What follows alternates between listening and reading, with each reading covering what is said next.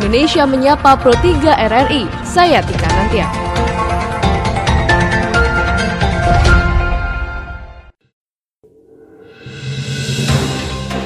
Dari Medan Merdeka Barat 45 Jakarta, inilah Radio Republik Indonesia dengan Warta Berita. Bersama saya Tika Anantia. Sari Berita, Bandara Internasional Adi Sucipto Yogyakarta melakukan antisipasi pencegahan penyebaran virus corona. Pemerintah dan DPR RI memutuskan untuk menghapus tenaga honorer di instansi pemerintah. Inilah Warta Berita selengkapnya. Bandara Internasional Adi Sucipto, Yogyakarta melakukan antisipasi pencegahan penyebaran virus corona sebagai penyebab penyakit MERS-CoV karena ada dua penerbangan internasional yang berkapasitas 800 penumpang per hari turun di bandara tersebut. Justina Wigawati melaporkan. Untuk Jogja hanya Bandara Adi Sucipto saja yang menerima penerbangan internasional. Ada sekitar 8 pergerakan penerbangan. General Manager Angkasa Pura I Yogyakarta Agus Pandu Purnama menyebutkan setiap hari ada 800 penumpang internasional yang mendarat di Bandara Internasional Adi Sucipto Yogyakarta dari Singapura dan Malaysia. Oleh karena itu, dengan adanya kasus MERS-CoV yang diakibatkan oleh coronavirus, maka Bandara Adi Sucipto telah memperketat pemeriksaan kesehatan utamanya penumpang penerbangan internasional. Kami memang sebelumnya juga sudah antisipasi dan bahkan ini merupakan standar operation kami kerjasama dengan kantor kesehatan pelabuhan menyediakan satu alat pendeteksi thermal scan untuk memonitor suhu tubuh pendatang dari luar negeri menuju bandara. Agus Pandu Purnama juga mengungkapkan tidak hanya Bandara Internasional Adi Cipto yang meningkatkan pengetatan pemeriksaan kesehatan penumpang penumpang dari mancanegara, akan tetapi juga Rumah Sakit TNI AU Harjo Lukito juga dipersiapkan untuk menangani apabila ada penumpang dari luar negeri terindikasi coronavirus.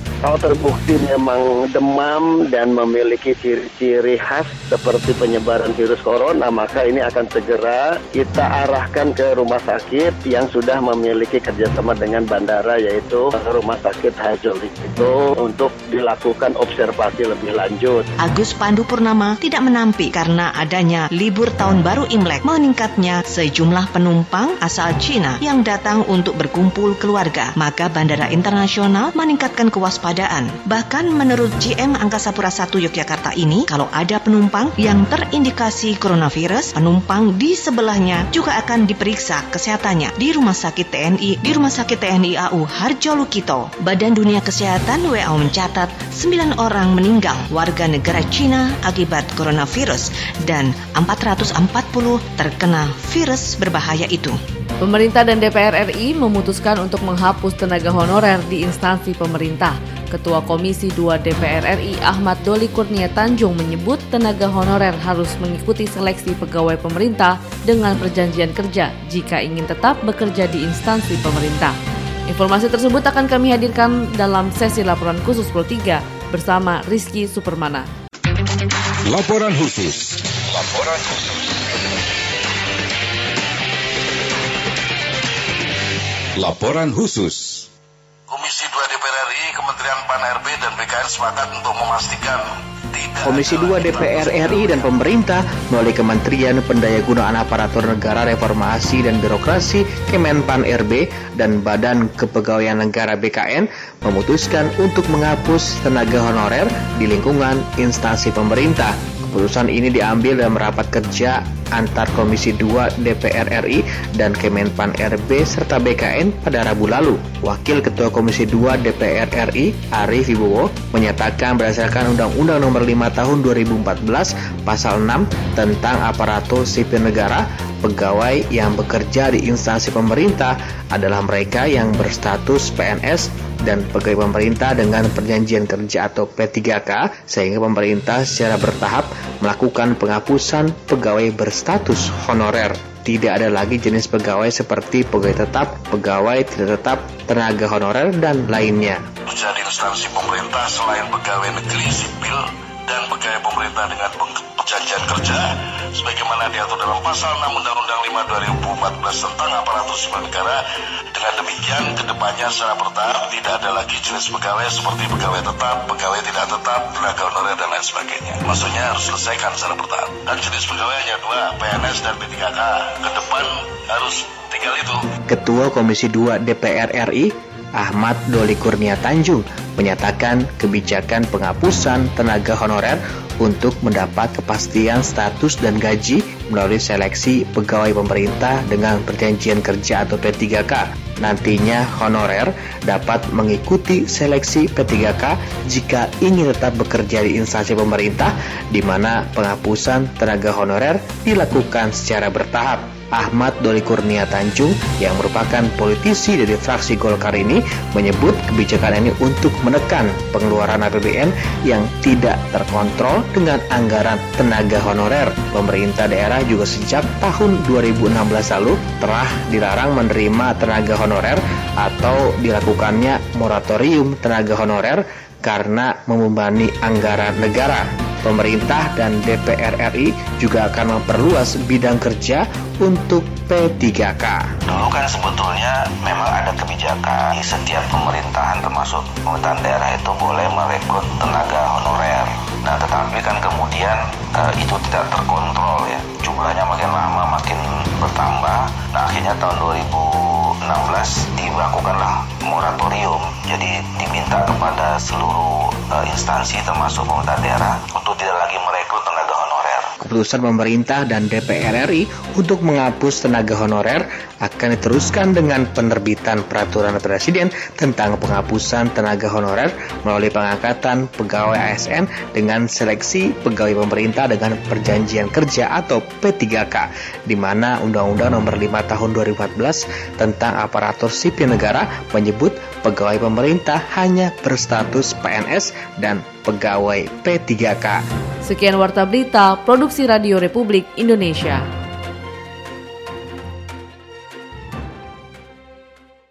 Pendengar masih dalam sorotan kami hari ini terkait dengan pemerintah dan DPR RI yang memutuskan untuk menghapus tenaga honorer di instansi pemerintah. Lalu bagaimana kami melihat polemik ini? Berikut akan kami hadirkan komentar yang disusun dan disampaikan langsung oleh redaktur senior RRI Widi Kurniawan.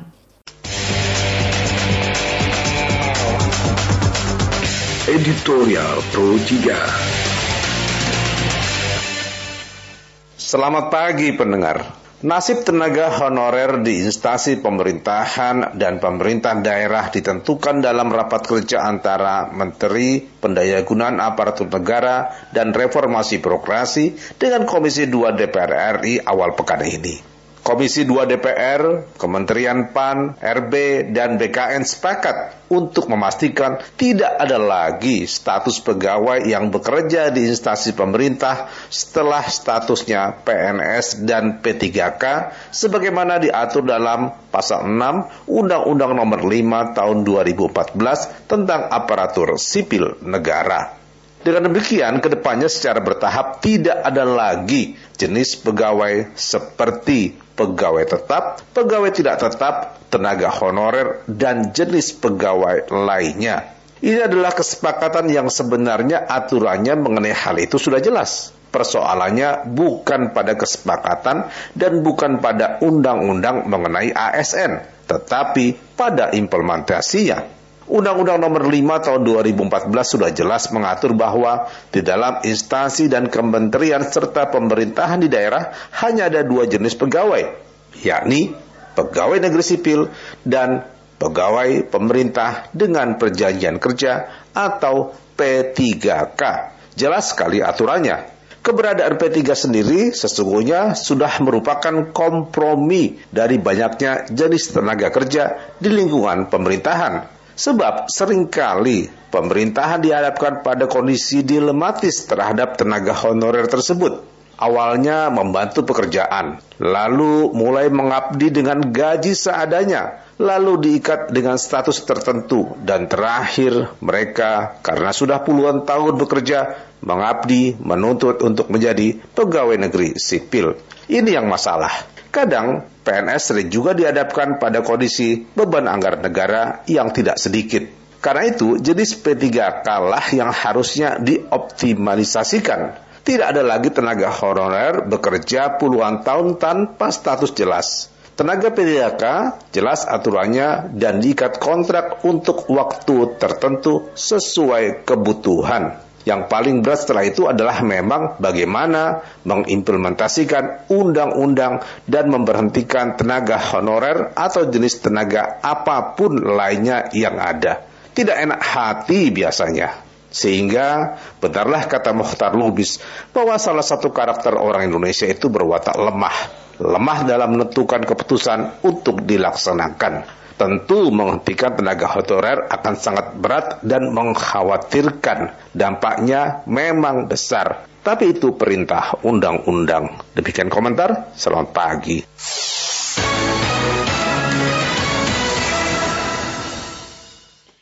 Pendengar sebenarnya dalam memperkerjakan tenaga honorer di instansi pemerintah adalah merupakan kompromi dari banyak jenisnya tenaga kerja di lingkungan ini. Namun mengapa saat ini direncanakan untuk dihapus? Nah, untuk lebih jelasnya lagi, kami akan mendalami hal ini bersama dengan Pariono, selaku pelaksana tugas Kepala Biro Humas Badan Kepegawaian Negara berikut ini.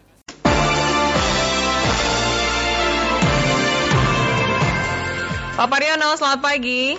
Selamat pagi Mbak Rizky dan Mas Fadli. Ya, Pak Pariono, kalau kita lihat sebenarnya uh, jumlah untuk pegawai honorer saat ini sampai dengan akhir tahun 2019 itu berapa banyak, Pak? Ya, tenaga honorer ini ada yang terdata dan ada yang tidak terdata ya. Hmm. Kalau sisa K2 ya. itu ada sekitar 300-an ribu uh, tenaga honorer sisa K2. Mm -hmm. Tetapi di luar K2 ini ini lebih banyak lagi, kemungkinannya lebih banyak lagi karena memang tidak terdata gitu instansi-instansi uh, pada mengangkat tenaga honorer yang uh, masing-masing uh, itu menganggarkan untuk uh, berbagai apa di posisi berbagai berbagai jabatan di setiap instansi itu ada dan itu memang tidak ada datanya di BKN karena memang uh, pembinaannya itu bukan di BKN karena BKN itu hanya membina uh, PNS dan uh, P3K. P3K nanti hmm. ya.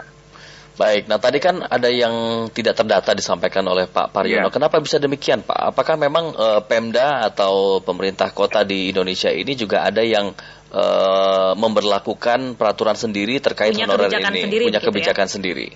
Ya, pemerintah itu pada tahun 2005 itu telah mengeluarkan PP 48 tahun 2005. Itu pengangkatan tenaga honorer menjadi CPNS hmm. dulu. Hmm. Ya.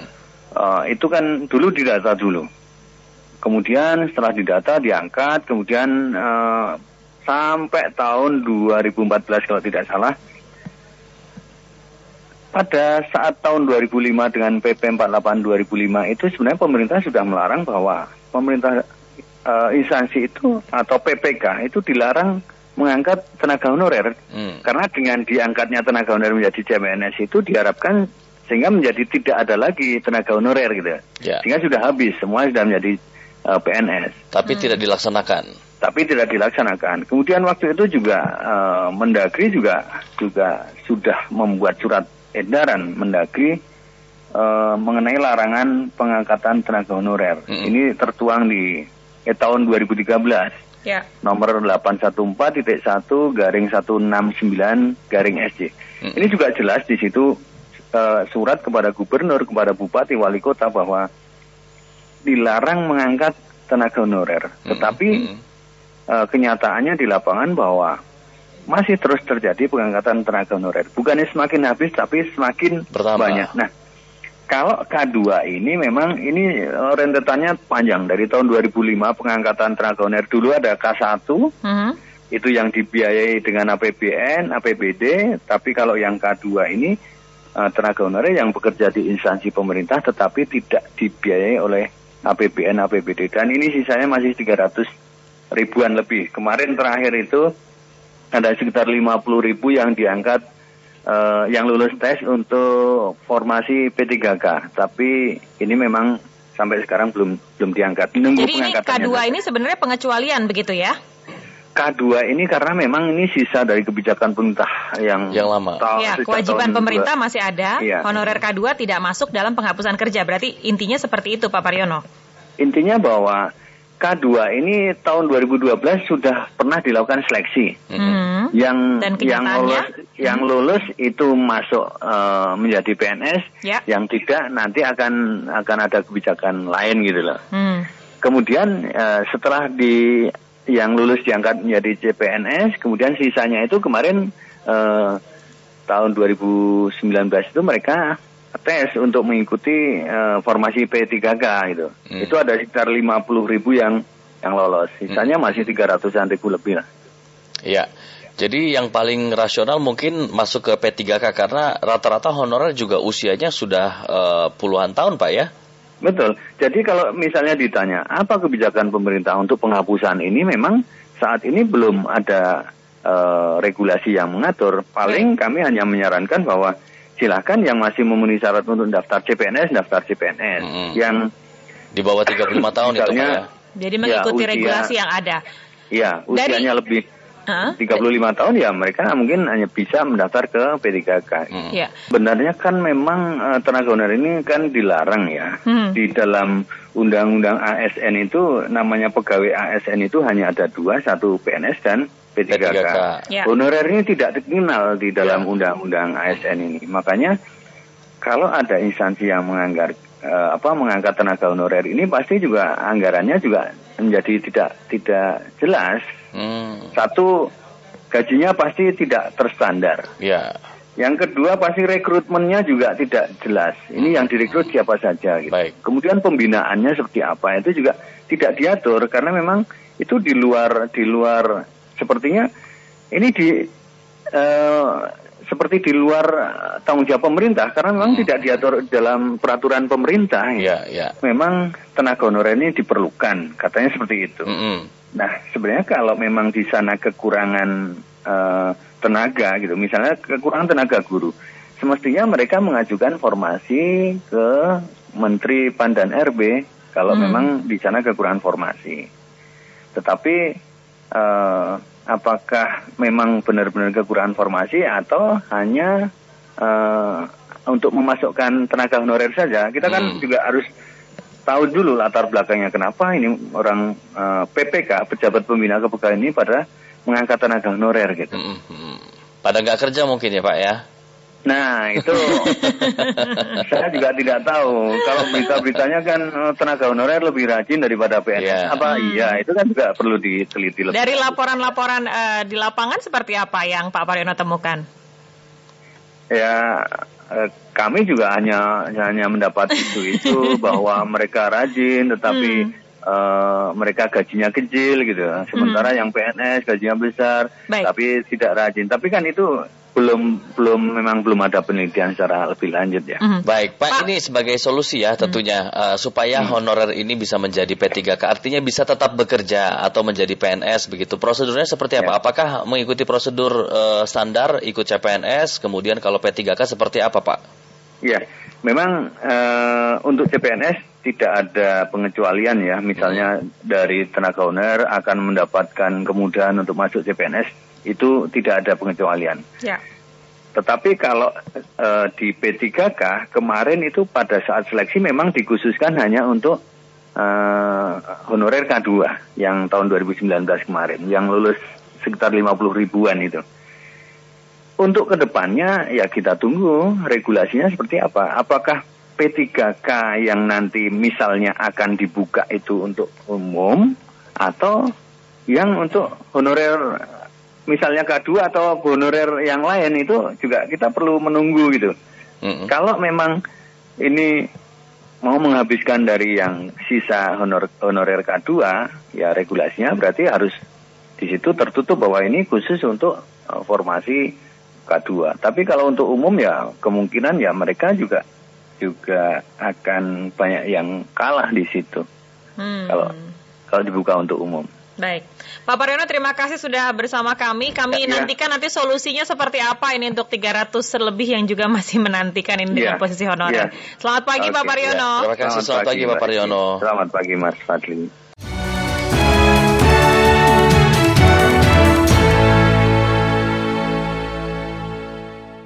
Pendengar informasi tadi sekaligus mengakhiri perjumpaan kita pada podcast edisi hari ini untuk Indonesia Menyapa Pro 3 RRI Produksi Radio Republik Indonesia. Saya Tika Nantia undur diri, sampai jumpa, salam.